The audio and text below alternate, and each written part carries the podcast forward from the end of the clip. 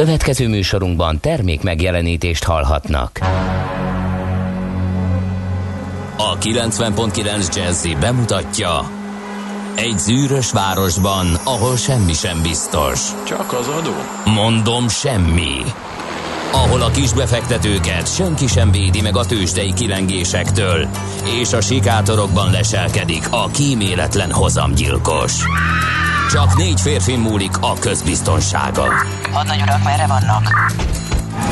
A mindenre elszánt és korrumpálhatatlan alakulat vigyáz a rendre minden reggel. Ezek az állati nyomozók? Négy férfi egyeset és egy nyalóka. Ács Gábor, Gede Balázs, Kántor Endre és Mihálovics András. Az íróasztal mögül pedig Profit kapitány diktálja a tempót. Humor, emberi sorsok, közönséges bűnözők és pénz, pénz, pénz. Egy különleges ügyosztály, a Gazdasági Muppet Show minden hétköznap reggel a 90.9 Jazzin. De is figyelj, ne csak a bárányok hallgassanak. De miért? Ha nincs pénzed azért, ha megvan, akkor pedig azért. Millás reggeli. Szólunk és védünk. Jó reggelt kívánunk, 6 óra 31 perc van, 2021. november 16-át írjuk.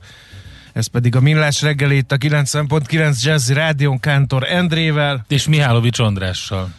Nagy nap ez a mai, nekem drága Mert? első szülöttemnek van a születésnapja, úgyhogy ennek megfelelően ünneplőbe öltöztettem a szívemet. Sajnos egyebeket nem, mert Kántor Endre és uh, hírolvasó kollégina Ibolya? összebeszéltek, ö, és elhatározták, hogy ünneplőbe jönnek, úgyhogy most úgy Én érzem magam, mint egy hülye gyerek, akinek nem szóltak, hogy gal, vagy ing céges buli itt. van, ahol zakóba kell jönni, úgyhogy én vagyok egyedül.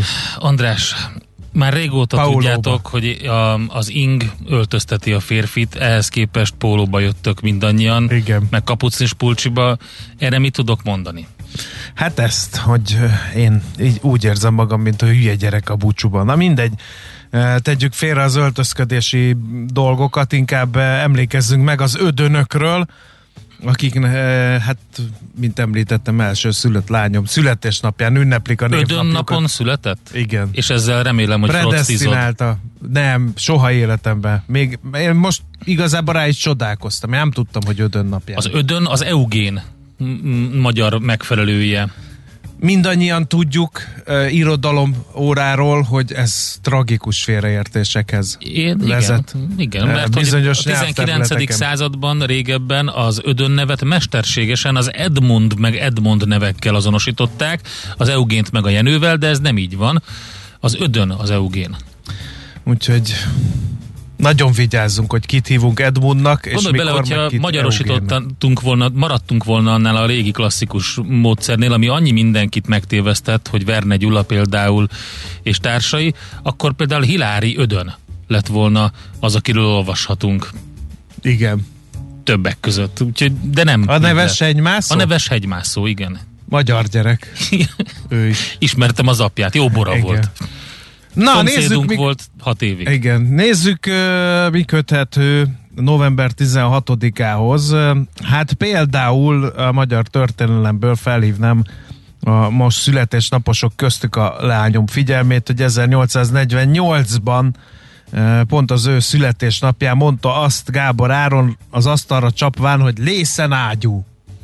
Uh-huh. És onnantól énekeljük el együtt egymásba fonódva Endre a Gábor Áron rézágyúja Na igen. fel van igen. virágozva. És azt gyermekkoromban félreértettem, és azt hittem, hogy valami, ott két nevet mondanak az elején.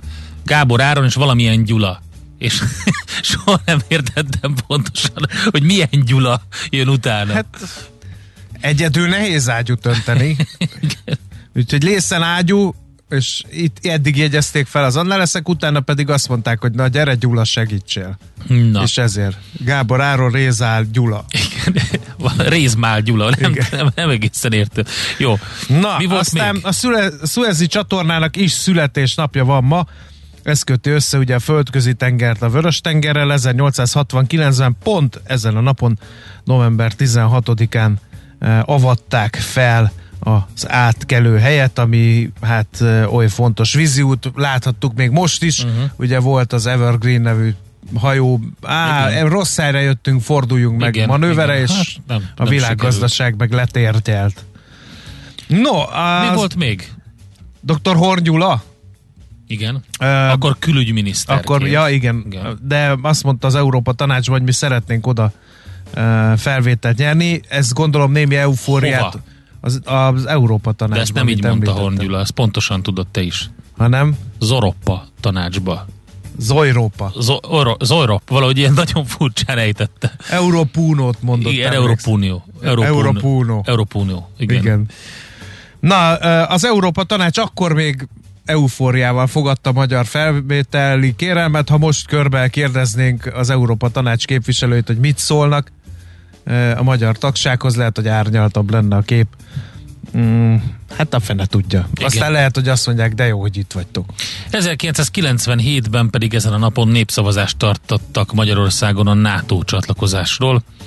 Igen. Úgyhogy ezek a politikai jellegű események, amik ezen a napon történtek, hát rengeteg érdekes, híres és hírhet születésnaposunk van ma. Például Kétli Anna, magyar szociáldemokrata politikus 1889-ben született ezen a napon. Aztán hát Vele neked kezdő sokat kellett újságíró- foglalkozni vele, kezdő nem? újságírói munkanapjaim bearanyozója dr. Tordján József, magyar ügyvéd, politikus miniszter, 1932. november 16-án született. Én nem is sejtettem, amikor a gyermekemmel a kórházban voltunk, és ugye ez a, a szülés, apás szülés volt természetesen, nem is tudtam, hogy pont aznap ünnepli dr. Tordján is. a- a Azt hiszem, szülinapját. hogy azt bátran kijelenthetjük, hogy dr. Tordján József volt a magyar parlamentáris stand-up megalkotója és legjobb művelője egész sokáig. Igen. Aztán jeles színművészek is ünneplik születésnapjukat. Gálfi László például, aki Kossuth és Jászai Mari díjas magyar színművész 1952. november 16-án született, és uh, 1961-ben született Serer Péter Jászai Mari díjas magyar színész, és akkor, hogy a hölgyek is örül, örüljenek, Diana Kroll kanadai jazz énekes és zongorista is születésnapot ünnepel. Hát ma és még Tunyogi Orsi 1964-ben. énekesnő igen, is. Igen. És Leo Leo Lé Dibusz Dénes magyar Leo, Leo. labdarúgó kapus 1990-ben született. Igen. November 16-án, és micsoda születésnapi ajándékot kapott, ugye tegnap kettő egyre megpofoztuk a lengyeleket. A futballpályán természetesen óriási, óriási. Dekár az Albániában elhullajtott pontokért, meg ilyeneket. Igen, Annyira igen. szeretnék egyszer sportriporter. Nem hiszem. De, de annyira jó ez, nem? De az összes panelt ismerem már. Elég régóta uh, vagyok újságolvasó ahhoz, hogy ezeket tudjam. A megpofoztuk, az saját találmány, azt nyilván nem mondja sportriporter, de, de még labdarúgó nyilatkozatokat is tudok kreálni, Hát hogyha figyelj, erre András, van. akkor legyen egy olyan sportrovat, amikor minden héten, amikor te közvetítesz valamit. Esetleg át, átcsaphatna néha ilyen napi csatásba, hogy ilyen sportriporter szerűen közvetítesz egy, Egy napi egy, csatát. egy valamilyen csatát, ami akkor volt aznap. Jó, hát ahogy gondoljátok, mindent lehet. Hamarosan lapszemlével fogunk jelentkezni. Itt a Millás reggeliben 0630 20 10 909, ez az SMS, Viber és WhatsApp számunk. Aztán majd összefoglaljuk, hogy a piacokon, a tőzsdéken mi történt, de most akkor Küldjünk egy a lányomnak, így van, jó? egy most egy születésnapos zene következik, direkt a kislányodnak választottam ki. Isten éltessen elnézést mindazért, amit rád mért a sors apád képében, kedves kislányom, de ettől te legyél nagyon boldog. És Csak vidám. azért, hogy legyen valami indiános vonatkozása, a Mystic Braves nevű zenekar következik, az új lemezükről egy Melynek felvétel. szíve Hokahely. Ne, ne, ja Nem? nem, az nem az, van egy olyan is, de azt, azt kitöröltem a múltkor. Ja? Jó. Nézz is! Ne csak hallgass! millásreggeli.hu Na itt vagyunk, ragyogunk 0630 20 10 909, nézzük, hogy mit írnak a lapok. Te mit találtál, András, ami izgalmas? Az égvilágon semmit. hát Még akkor köszönjük szépen. És az, hogy De- februárra nagyon nehéz helyzetbe kerülhet a kormány a benzinár maximalizálása, vagy maximálása Mert? miatt, írja Virovácz Péter a G7 Zero osztó rovatában. Ugye Na, miért? Virovácz Péter, Ne csigázzon. az ING senior közgazdásza, és az Zero Osztó pedig egy ilyen elemzői szeglet a G7.hu-n, és hát azt írja Virovácz Péter, hogy a magyar kormány, tudjuk, hogy három hónapon keresztül 480 forintban maximalizálta a hagyományos 95-ös benzin és a dízel végfogyasztói árát, hogy, hogy mindez mit számít, vagy mennyit számít az infláció elleni küzdelemben, vagy épp a monetáris és fiskális politikában, teszi fel a kérdést Péter, és meg is válaszolja, aztán kibontja ezt a választ, sokkal kevesebbet, mint hinnénk. Kezdjük először a legkézenfekvőbb témával, vagyis azzal, hogy mit is jelent az üzemanyagárak befogyasztása inflációs szempontból. A fogyasztói kosárban, amely az infláció számításának alapját képezi, mindössze 6%-ot tesz ki ez a termékkör. Már ez is előrevetíti, hogy drasztikus dolgokra nem kell számítani. Aztán utána jön a következő fontos lépcső, hogy megnézzük, hogy mennyivel is csökkent a fogyasztói ár. Ha bár elsőre jelentés, első ránézésre jelentős árcsökkenésről beszélhetünk, ez csak az érzékelt infláció esetében igaz. A hivatalos inflációs mutatónál ugyanis nem azt kell megvizsgálni, hogy az árrögzítés előtt mennyi volt az üzemanyagok ára, hanem ezt a 480 forintos árat az októberi átlagos fogyasztói árhoz kell mérni, amit a KSH felmért, ez pedig a 95-ös oktánszámú benzin esetében 487 forint volt, míg a dízel esetében 499 forint.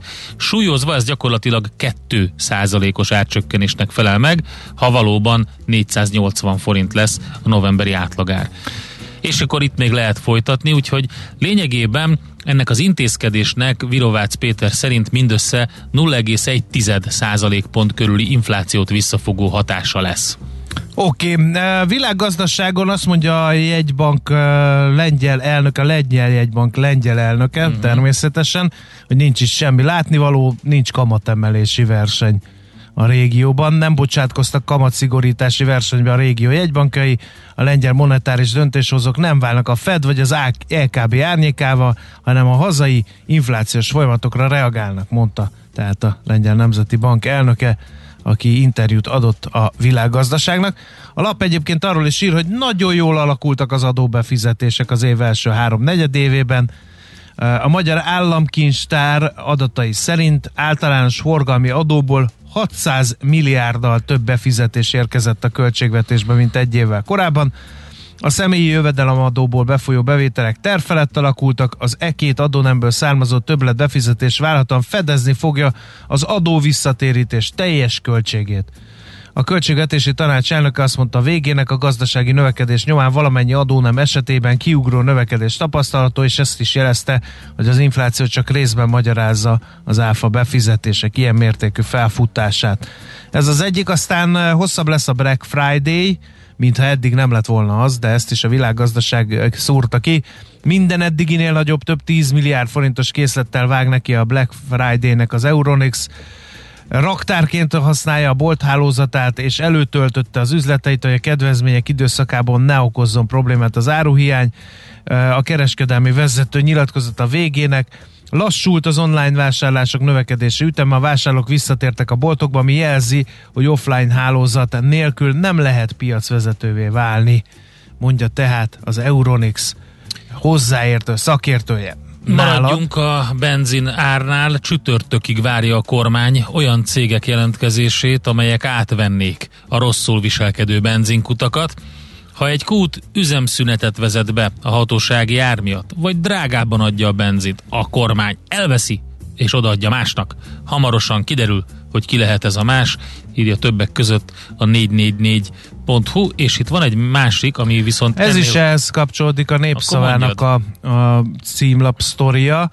Ugye az egységár sok vevőcsalogató ajánlat van, 479 forint 90 fillérért, a kutasok beszámolója szerint a forgalomban még nem érezhető az árcsökkenés hatása, a töltőállomásokat üzemeltető vállalkozások kilátásai viszont romlottak, hiszen a MOL ugye a nagykereskedelmi árat 5 forinttal megemeli szerdától. Ez a korábbi gyakorlata eltérően a kutasok viszont már nem háríthatják át mm. az autósokra, azt nekik kell kigazdálkodniuk. Egyezkedett a kormány és a kutasok szervezete tegnap is a színfalak mögött. A részletekről egyik fél sem számolt be a népszava kérdésére, de a kisebb vállalkozások úgy látják nem húzzák ki három hónapig, borítékolhatóak a csődök. A bezáró kutakat átvenni szándékozók pedig, ahogy Endre nagyon helyesen rámutatott, csütörtökig jelentkezhetnek a minisztériumban, hogy nyilvántartásba vegyék őket. Lesznek szerintem jelentkezők. Na, euh, még tovább a 444.hu-n 210 milliárdba is kerülhet a Ráckevei Dunaág rendbetétele.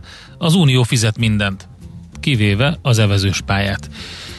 Rég nem jelentettek be annyira ambiciózus, drága és fontos környezetvédelmi akciót, mint a leromlott vízminőségű Ráckevei Dunaág tervezett gatyába rázása, amivel múlt csütörtökön lépett nyilvánosság elé az egészet menedzselő BFK.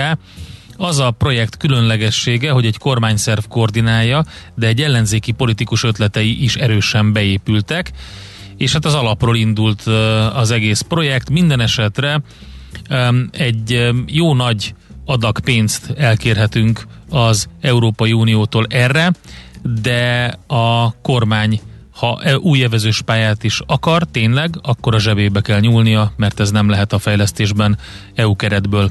A részletek a 444.hu cikkében.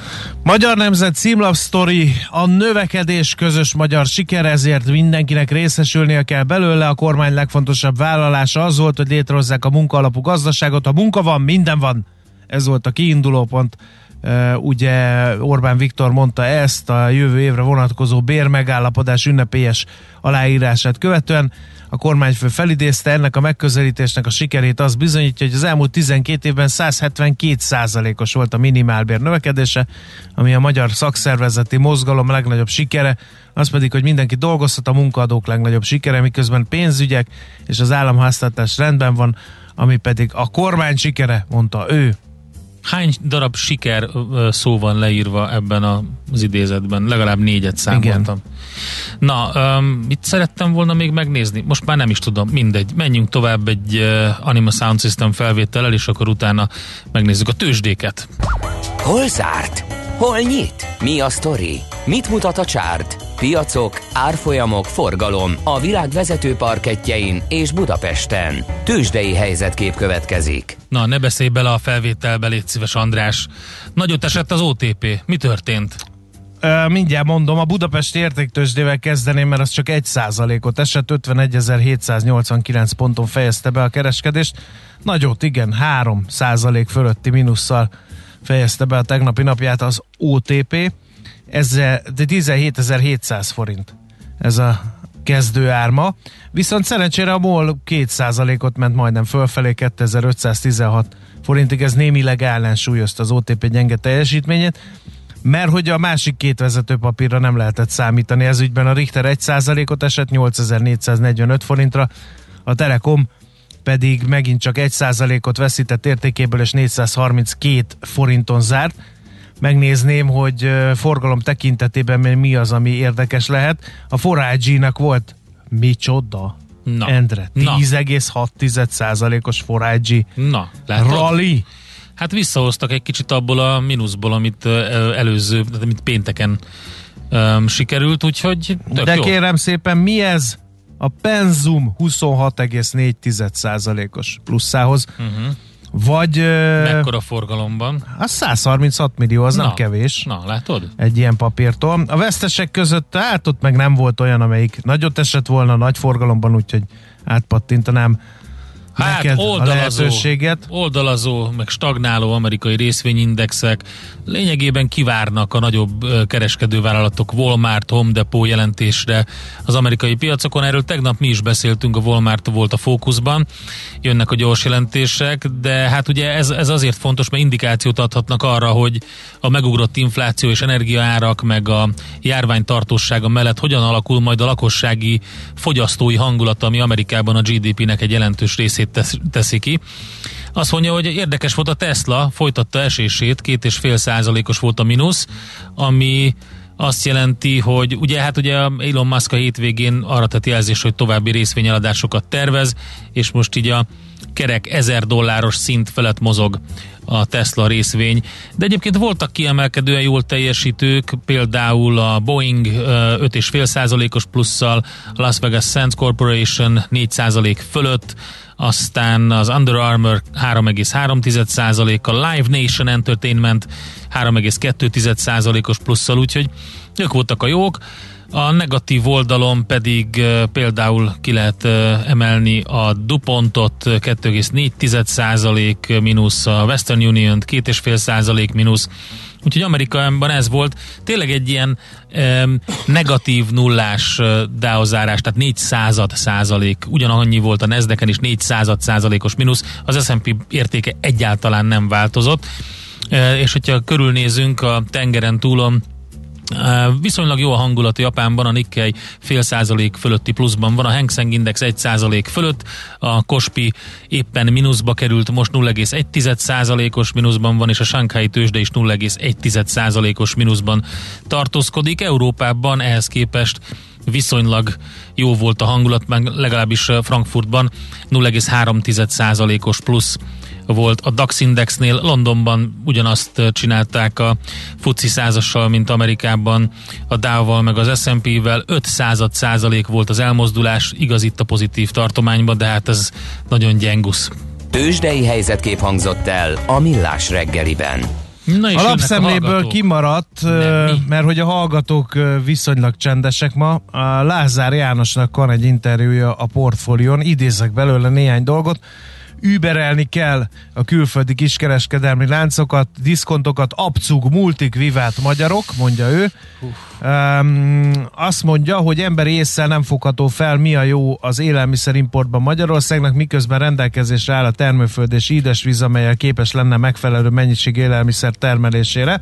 Fontosnak tartja Lázár János, hogy a magyar minőségi alapanyag termelést akár kormányzati beavatkozással hazai szereplők dolgozzák fel. Továbbá javasolja, most figyelj, hogy a magyar állam a kiskereskedelmi jogszabályi környezetének patrióta átalakításával igyekezzék lehetővé tenni egy egységes magyar lánc létrejöttét. Szerinte a kiskereskedelmi adóval szembeni megfutamodás súlyos hiba volt.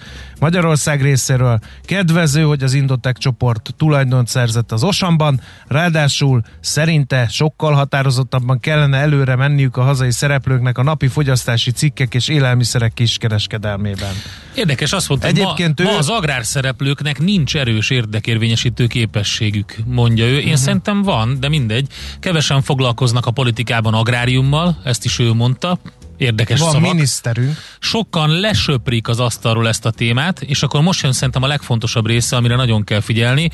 Van ugyanis egy pozíció ezek szerint, ami úgy tűnik, hogy vagy egy, vagy egy csúcs, amire, amire most a megmászására most hát jelentkezett Lázár János. Ezért nekünk agrár, agrárszereplőknek kell egy frontba tömörülni, és közösen hát kell képviselni az agrárszereplő a mezőhegyesi nemzeti Igen. ménes birtok által ellátott állami feladatok Igen. koordinálásáért fel. De aztán még, még szerintem um, fontosabb Írói munkásságom részeként ráadásul én évek óta hallok egy olyan szabályozási tervezetről, amely nemes egyszerűséggel figyelem, betiltaná a saját márkás termékeket. Uh-huh. Az mit jelent? Nézzük hát meg, hogy a diszkontok mivel jó operálnak. Nagy, jó nagy csőd hullámot a magyar termelőknek.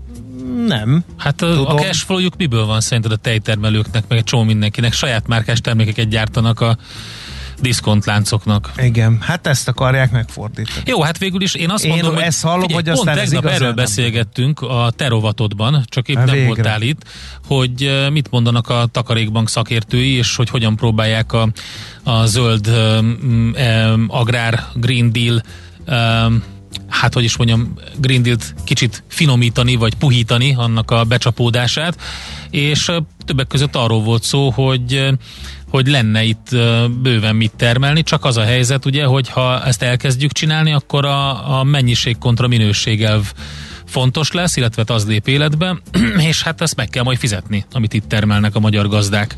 Ha pedig elkezdjük szubvenciókkal támogatni az ágazatot, úgy, mint Franciaországban, meg Belgiumban, akkor, akkor meg azzal kell szembenézni, ugye, hogy például lesznek olyan területek, amik amiket jobban megéri csak úgy lényegében parlagon tartani, meg kapja, kapja érte a szubvenciót a gazda. De az nem értek egy... hozzá, csak látom, hogy, hogy ott az történt. Az is egy érdekes megjegyzése Lázár Jánosnak, hogy ugye a riporter feltesz a kérdést, hogy bejelentette az Aldi, hogy kizárólag magyar friss húst értékesít. Válasz? Ez csak PR, aki elhiszi naív. Na, hát akkor teljes frontos támadás.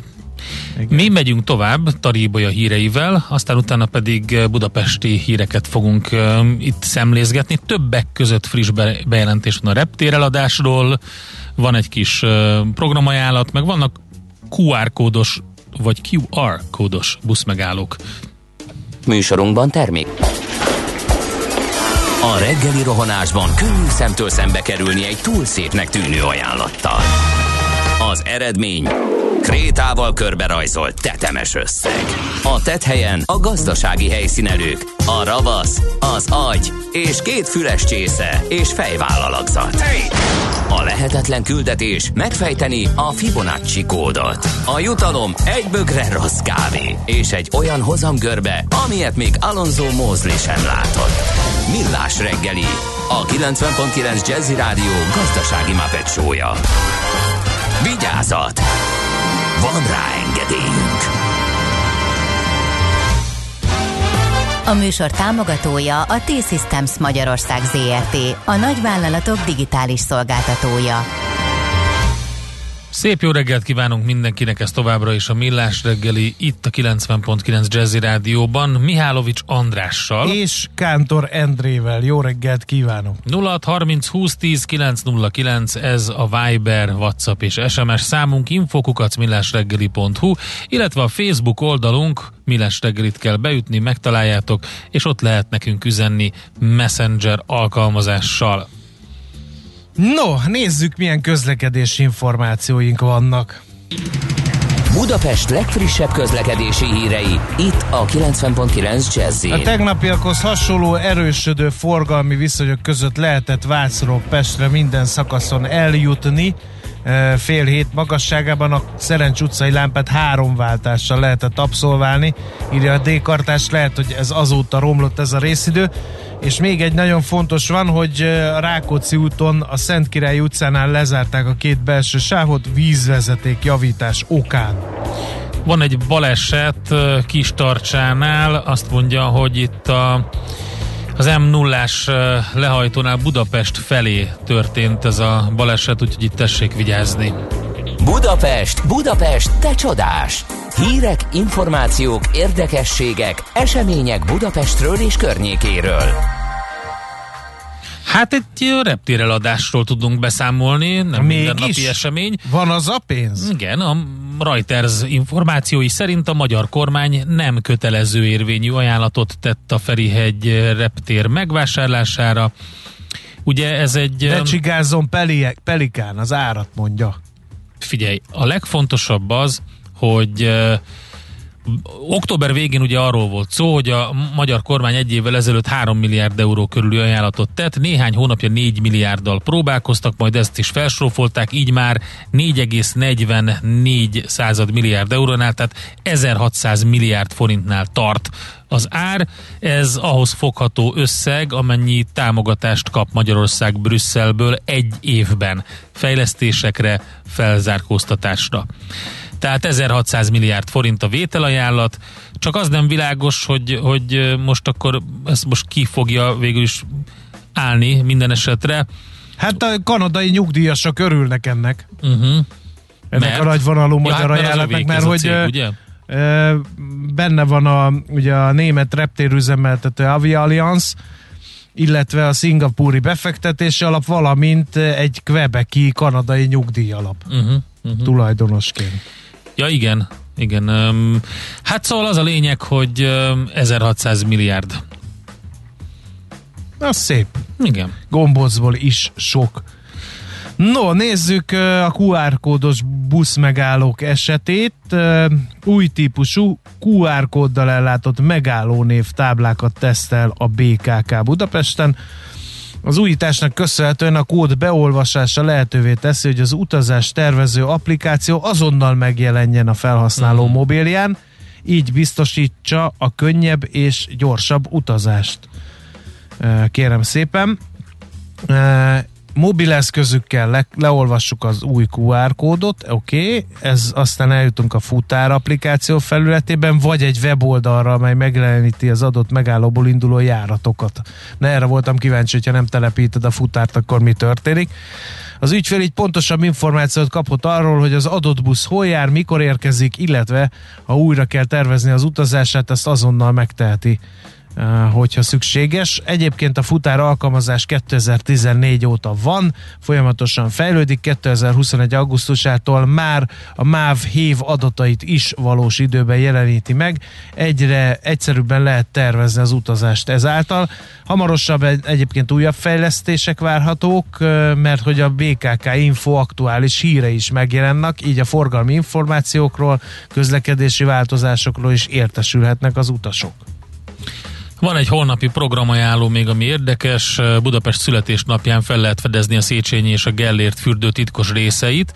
148 évvel ezelőtt, 1873. november 17-én egyesült Pest, Buda és Óbuda, és létrejött Budapest. Ezen a napon városszerte számos programmal eh, lehet találkozni. Az egyik őjük az, hogy a Széchenyi és a Gellért gyógyfürdők épületeit is be lehet úgy járni, hogy eddig még soha nem, legalábbis ezt ígérik mert hogy 17 órakor ingyenes épületlátogatások lesznek a főváros két ikonikus Fecskébe kell menni? Nehogy megint félreértsem, mint ma reggel. Nem, így bárki felfedezheti a Széchenyi és a Gellért fürdő nagy közönség elől eddig elzárt tereit. Talán ez a legfontosabb része.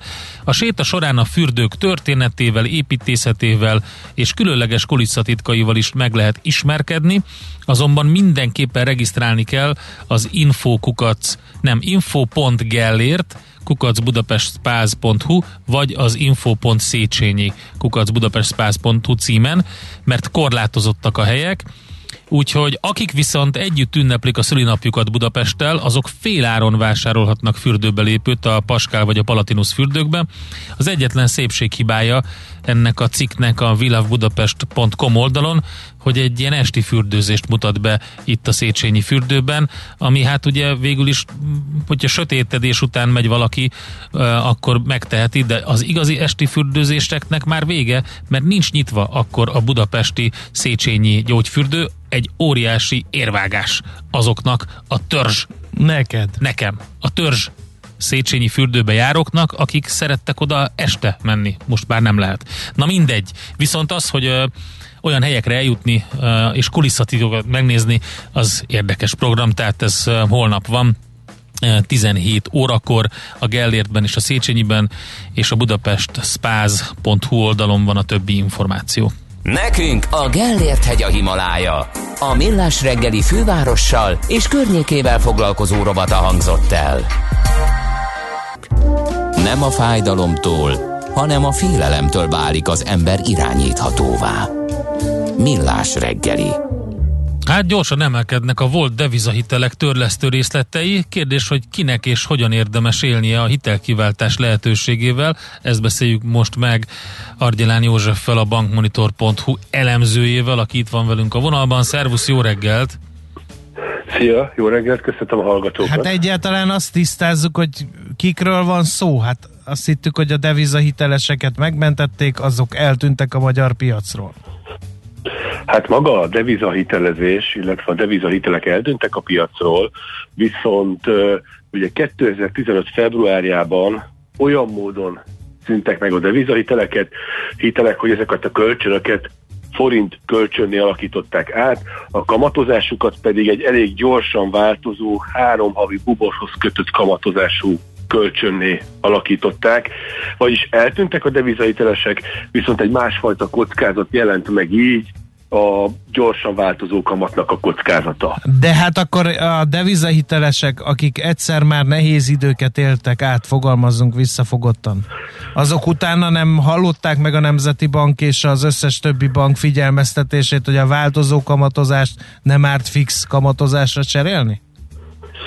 Hát van, van olyan réteg, amelyik ezt megtette valóban, uh-huh. de sajnos nem mindenki, és azért hozzá kell tennem, hogy a forintra váltott hitelek a forintosítást követően e, csökkenő kamatkörnyezetben voltak, tehát számukra az első időszakban kedvező volt ez a változó kamatozás, hiszen az a három havi bubor, amitől a kamatuk függött, az 2,1%-ról a 2018-as évek elejére lecsökkent egészen 0,02-re, tehát azért egy 2%-ot meghaladó kamat csökkenésben részesültek csak azért, mert változó kamatozású hitelük volt. Ez a trend azonban igen jelentősen megfordult napjainkra. Ja, tehát nem volt ösztönző, hiszen így csökkent folyamatosan a törlesztő részlet, akkor miért nyúlnánk hozzá, ugye?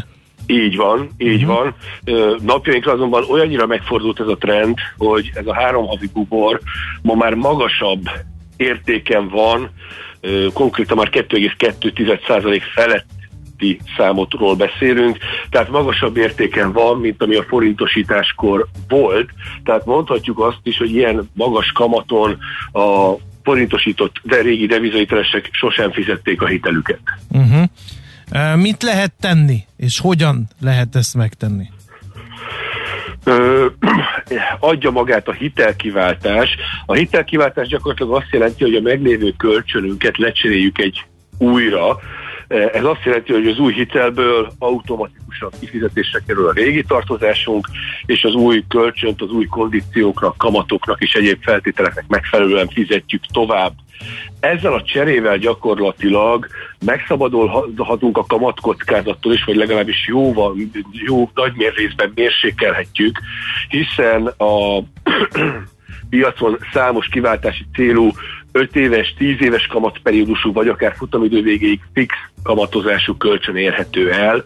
Sőt, hozzátenném, hogy ezek a kölcsönök akár a jelenlegi változó kamatozású hitel kamatánál kedvezőbb feltételekkel is elérhetők. Tehát nem csak biztonságosabb, hanem adott esetben akár olcsóbb kölcsönhöz is juthatnak ezek az adósok. Igen, ez talán a legfontosabb kérdés, mert ugye az, hogy kivédjük a kockázatot, és esetleg jobban járunk vele, hogyha mondjuk nagyon elszállna egyik irányba a, a kamat, a másik egy fix kamat, ugye, és az nem tud, az egy, hát hogy is mondjam, egy bizonyos szintű motiváció. De nagyon sok mindenkinél uh, nem az, és uh, talán azért óckodnak többen attól, hogy, hogy váltsanak, mert félnek attól, hogy hát nem járnak jobban, hanem hát folyamatosan többet fognak fizetni. Hát ö, olyan érdekes és különleges piaci helyzet van, hogyha kisebb törlesztő részletet nem is tudnak elérni feltétlenül az adósok, de azonos szintű törlesztő részletet és szinte biztos, uh-huh. hogy sikerülne elérniük úgy, hogy közben a kamatemelkedés kockázatot kivédik. Azt pedig tudni kell, hogy ez a kockázat igenis valós, hiszen a jegybank a magas inflációs környezet miatt vélhetően tovább fogja emelni az alapkamatot, sőt, szakértők becslése szerint nem is egy, hanem több lépésben, már pedig ez az alapkamatemelés igen gyorsan beépül a hitelkamatukba, és onnantól kezdve pedig már nem, nem kérdéses, hogy rosszul jártak. Abszolút, akkor, akkor, csak ugye, bocs, bocs, nem akarom ezt uh, szajkózni, csak azt gondolom, hogy nagyon sokan uh, azt gondolják, hogy oké, okay, most fölmegy, de majd utána visszamegy, és akkor az tök jó lesz nekik. Nyilván a jövőben nem tudunk látni, de az kétségtelen tény, hogy most a jelenlegi állapotok alapján nem beszélhetünk arról, hogy egy-két hónapos megugrása van, akár az inflációnak, akár a pénzpiaci hozamoknak, a pénzpiaci környezetnek.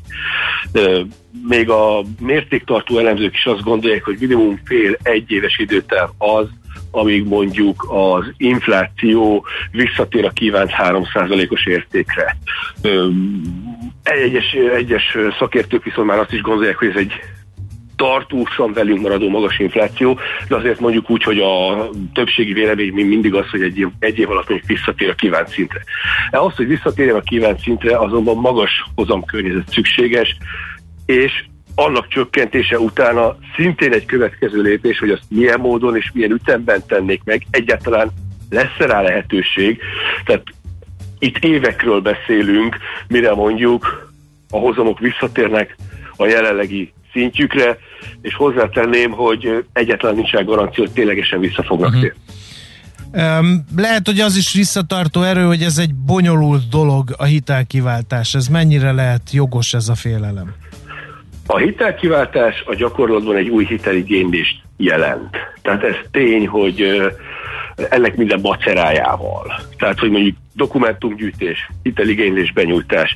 Elbírálják, nem adnak. Könnyen elképzelhető, mm. hogy hiánypótlás van, új dokumentumbenyújtás, akár el is utasíthatja a bank. Van egy másik módszer is egyébként a kamatoknak a fixálására.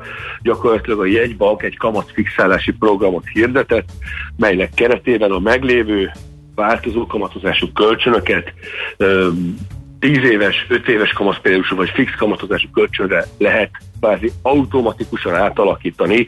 Itt ebben a helyzetben a bankok nem végeznek ilyen szigorú bírálatot, viszont az könnyen elképzelhető, hogy a jelenlegi új hiteleknél valamivel magasabb kamatot fognak kapni végül az ügyfelek. Oké, okay, hát akkor mindenkit arra bíztatunk, hogy nézze át ezt az egészet, kalkuláljon, és hát vegye figyelembe azt, hogy egy kis idő az, amíg meg munka, amíg összeszedi a megfelelő iratokat, de elég sok mindent bebiztosíthat és megspórolhat vele. Köszönjük szépen, izgalmas helyzetben vannak ezek az adósok. Józsi, jó munkát nektek, szép napot! Köszönöm, sziasztok! Köszi, hello! Argyalán Józseffel beszélgettünk a bankmonitor.hu elemzőjével, hitelkiváltás lehetősége a gyorsan emelkedő devizahitel törlesztő részletek miatt. Műsorunkban termék megjelenítést hallhattak. A szerencse fia vagy? Esetleg a szerencse lánya? Hogy kiderüljön, másra nincs szükséged, mint a helyes válaszra. Játék következik. A helyes megfejtés beküldők között minden nap kisorsolunk egy túrázáshoz használható pulóvert és egy hátizsákot. Az Austria.info hivatalos turisztikai portált működtető osztrák idegenforgalmi hivatal jó voltából. Mai kérdésünk így hangzik, hol található és milyen hosszú Ausztria leghosszabb sípájája? A. Zillertal 10 km, B. Zölden, vagy Zölden 15 km, ne rögjél, segíts ki, mert németből, illetve C. Schramling Dachstein. Schladming, Schladming, Dachstein. Schladming, Dachstein. 21 kilométer. Miért nekem kell ezeket olvasni, amikor életemben egy percet Direkt nem tanultam kell. németül. Tehát hol található és milyen hosszú Ausztria leghosszabb sípájája? A Zillertal, Zillertal. A, Zölden B, vagy pedig Schladming C.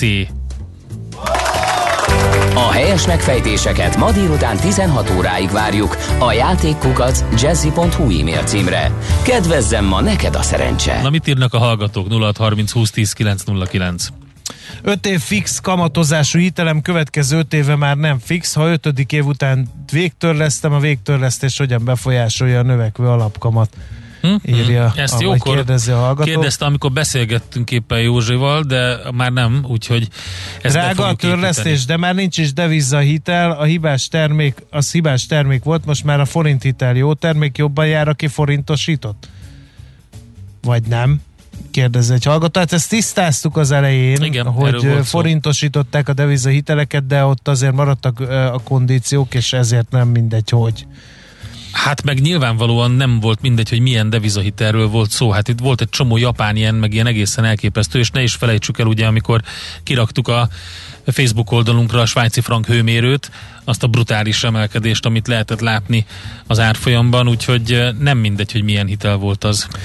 Biztonsági játékos vagyok, nemrég vettem fel fix lakáshitel 10 évre, vele egy időben nyitottam lakáskasszát, így alacsonyabb kötelező törlesztő részlet miatt kisebb a veszélye, hogy rossz esetben nem tudok fizetni. Ugyanakkor a lakáskasszán gyűjtök előtörlesztésre, ami 5 év után kiegészít a lakáskassa végtörlesztéshez, így kiváltom a banki hitelt alacsonyabb kamatozásúra, és a fennmaradó 5 évben már csak fel annyit fogok fizetni, mint a banki törlesztő plusz a lakáskassa az első 5 évben. Ajánl egy kondíciót a hallgató, a többi hallgatónak. Igen. Hamarosan jövünk azzal a beszélgetéssel, amiről szó volt korábban, hogy fennállásának legjobb első háromnegyed évét zárta az Alteo, Kovács Domonkos, az Alteo csoport Mergers and Acquisitions és tőkepiacok vezérigazgató helyettese. Lesz velünk itt a vonalban, telefonon tárcsázzuk őt, és megbeszéljük ezt az Alteo jelentést, hogy mi történt. Tudni akarod, hogyan lehet hatékonyabb a céged? Yeah! Szeretnél több energiát jobban felhasználva versenyképesebb lenni? Fontos lenne, hogy pazarlás helyett a megtakarításon legyen a hangsúly. Akkor jó helyen jársz. Cégenergia. Céges energiafogyasztás, energetikai tudnivalók, teendők és döntések. Áram- és földgázvásárlás, energiahatékonysági megoldások és megújuló energiafelhasználás. A Millás reggeli üzleti energiafogyasztás rovata. Hát elég erős számok jöttek az Alteo házatájáról. A tavalyi év azonos időszakához képest 315%-kal nőtt az Alteo NRT nem auditált, konszolidált nettó eredménye és hát ezzel azt lehet mondani, hogy folytatódik az Alteo siker története ezzel a kimagastó eredménnyel. Kovács Domonkos, az Alteo csoport MND és tőkepiacok vezérigazgató helyettese a vonalban. Szervusz, jó reggelt kívánunk! Szervusz, jó reggelt kívánok, üdvözlöm a kedves hallgatókat! Hát ugye felülmúlt a, a cég a korábbi eredményszámokat, és ugye az év első kilenc hónapjában megnégyszerezte a konszolidált nettó profitot. Um, hát ez lehet gratulálni, meg, meg is lehet vizsgálni, hogy mi történt egész pontosan, és mi, mi, mi mind a kettőt megtesszük. Megcseréljük a, a sorrendet. Először megvizsgáljuk, és hogyha alátámasztod, a, a, akkor gratulálunk is természetesen. Megpróbálom. Oké, okay, szóval minek köszönhető ez az egész? Nézzük egy kicsit részletesebben. Hát én azt gondolom, hogy ez, ez többféle komponensnek köszönhető. Alapvetően szerintem köszönhető annak, hogy ugye az elmúlt években mi jó fejlesztéseket, jó befektetéseket és beruházásokat valósítottunk meg ennél a cégnél mert hittünk olyan dolgokban, amiben korábban még nem, nem gondolt bele a világ, hogy talán ekkora jövő van benne. Az egyik ilyen ugye, hogyha kedves hallgatók esetleg megnézik a 2019-ben elfogadott 5 éves stratégiánkat, ami ugye az internet szájtunkról letölthető, azt látja, hogy az egyik nagy fejlesztési területünknek akkor az úgynevezett szabályozási energia biztosítási képességünket tekintettük.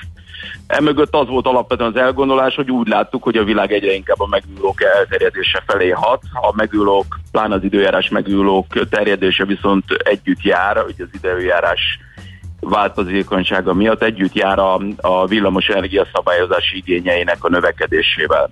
És hát azt kell, hogy mondjam, hogy ez már az elmúlt években is, de idén aztán meg különlegesen nagyon beérett, nagyon kedvező árviszonyok alakultak ki a szabályozási energiapiacon, mint az úgynevezett kiegyenlítő energia, mint pedig az úgynevezett kapacitás piacokon.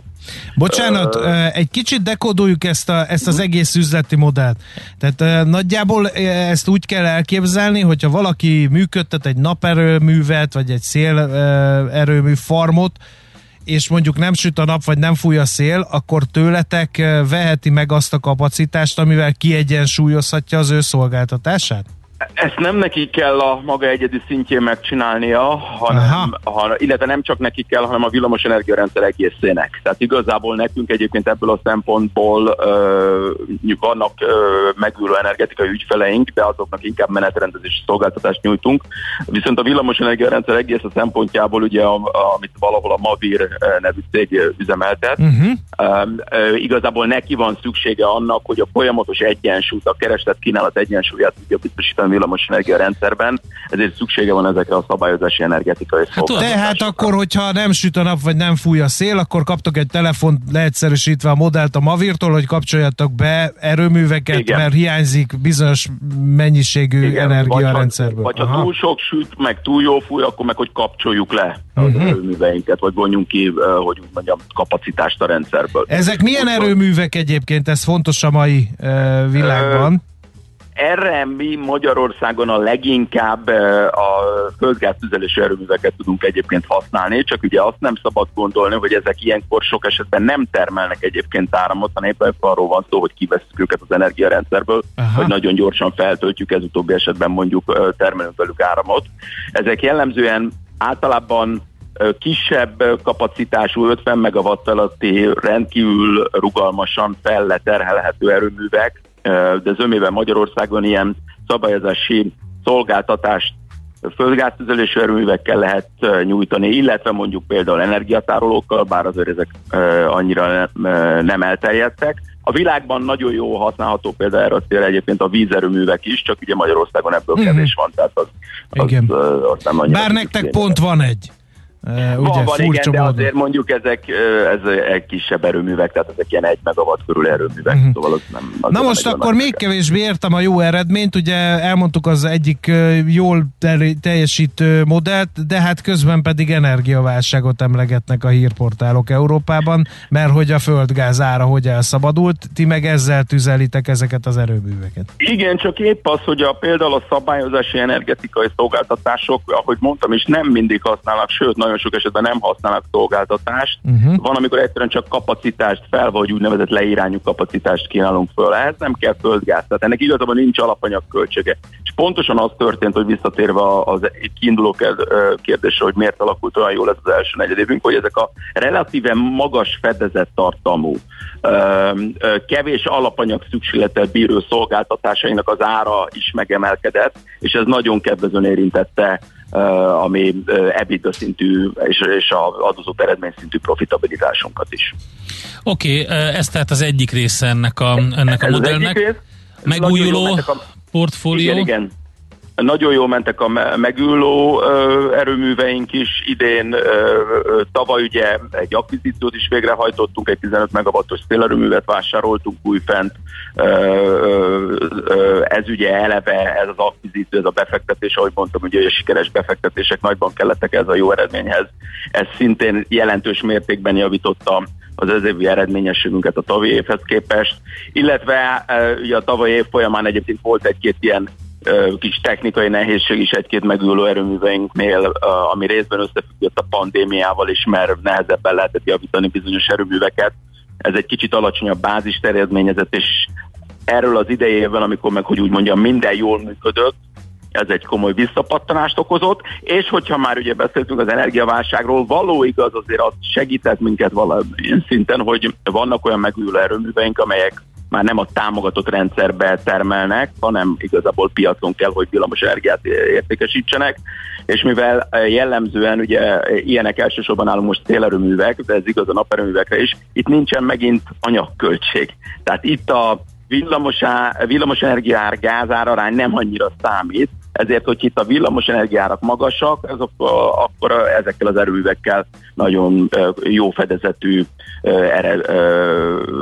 árbevételt lehet elérni. Igen. És ez ugye komoly eredményességben csapódhat le. Egy mondat erejéig említetted itt az energiatároló kapacitásokat. Mennyire kezdenek ezek elterjedni, és hogy kell ezt elképzelni, mint ilyen óriási akkumulátorokat? Hát igen, végül is igen. Ugye egyébként mi pont a közelmúltban adtuk át a másodikat tehát mi eléggé nyomjuk azt gondolom Magyarországon ezt a fajta tevékenységet. Az úgynevezett szabályozási központunk, ami a különböző szabályozás energiaszolgáltatásokért felel, abba építgetjük be, illetve ők használják föl az energiatárolókat. Ez már a második ilyen energiatárolónk egyébként. Ugye az elsővel is legalábbis most itt ipari méretekről beszélünk, jó? Tehát ez nem az a kis akkumulátor, amit autóba kell, hanem ezek a nagy ipari méretű energiatárolók.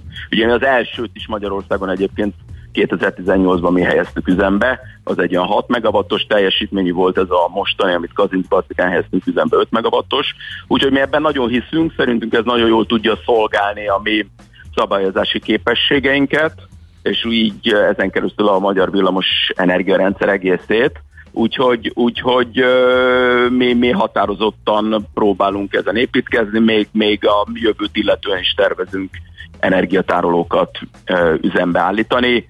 Van erre megfelelő erőművünk, mert ehhez azért kell olyan erőmű is, ami, ami ezt jól tudja kezelni, jól tudja hasznosítani.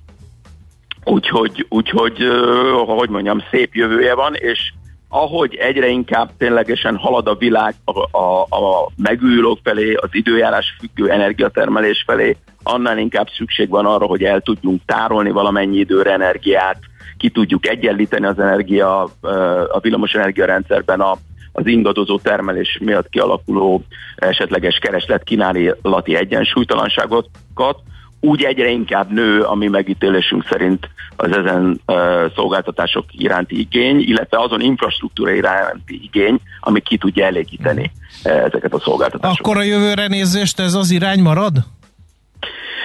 Hát reméljük, azért azt ugye szoktuk hangsúlyozni, és mondtuk ebbe a mostani jelentésünkbe is, hogy azért most idén rendkívül kedvező árviszonyok alakultak ki a mi csúcstermékeink szempontjából. Nem tudjuk, hogy ezek az árviszonyoknak, hogy úgy mondjam, mi az egyensúlyi szintje. Itt azért, hogyha egyfajta visszarendeződés lesz megfigyelhető, akkor nem biztos, hogy ilyen kimagasló eredményt mindig el tudunk érni, de azt gondolom, hogy az alapebitánk az mindenképpen egy masszív növekedés irányba van, mert a világ e felé megy, amerre mit csinálunk. Szabályozás, megújuló energia, termelés és, és, és decentralizált energetikai szolgáltatások.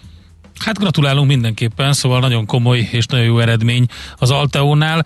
Köszönjük szépen Köszönöm a beszélgetést, és további ilyen sikereket kívánunk. Én is nagyon köszönöm. Viszont hallás. Szervusz! Szervusz! Kovács Domokossal beszélgettünk az Alteo csoport M&A és tőkepiacok vezérigazgató helyettesével. Nagyon komoly eh, számokat eh, mutatott be az Alteo a tavalyi év azonos időszakához képest 315% kal nőtt a nettó eredmény. Céges energiafogyasztás, energetikai tudnivalók, teendők és döntések. A Millás reggeli üzleti energiafogyasztás rovata hangzott el. Honnan van a cégednek ennyi energiája? És megyünk tovább Taríbolya híreivel, friss információival, közlekedési infókat pedig és hozzászólásokat várunk tőletek. 0630 20 10 909 SMS, Viber és WhatsApp számunk ez. infókukacmillástegeli.hu, itt pedig lehet nekünk írni. Majd arról fogunk beszélgetni nem sokára Kálai Gáborral, a Shiva Force vezető technikai ügyvezetőjével, talán ez a CTO-nak a megfelelője, bár mindig bajban vagyok ezekkel a rövidítésekkel, hogy a vállalati tudásmenedzsment rendszerek milyen kihívásokat hoznak, illetve van ez az omnichannel szemlélet, ez micsoda, és ez milyen kihívásokat hoz, úgyhogy ez a következő témánk itt a Millás reggeliben. Műsorunkban termék megjelenítést hallhattak. Hé, hey, te mit nézel? Nem tudtad? A Millás reggelit nem csak hallgatni, nézni is lehet. Millásreggeli.hu Nézzünk, mint a moziban!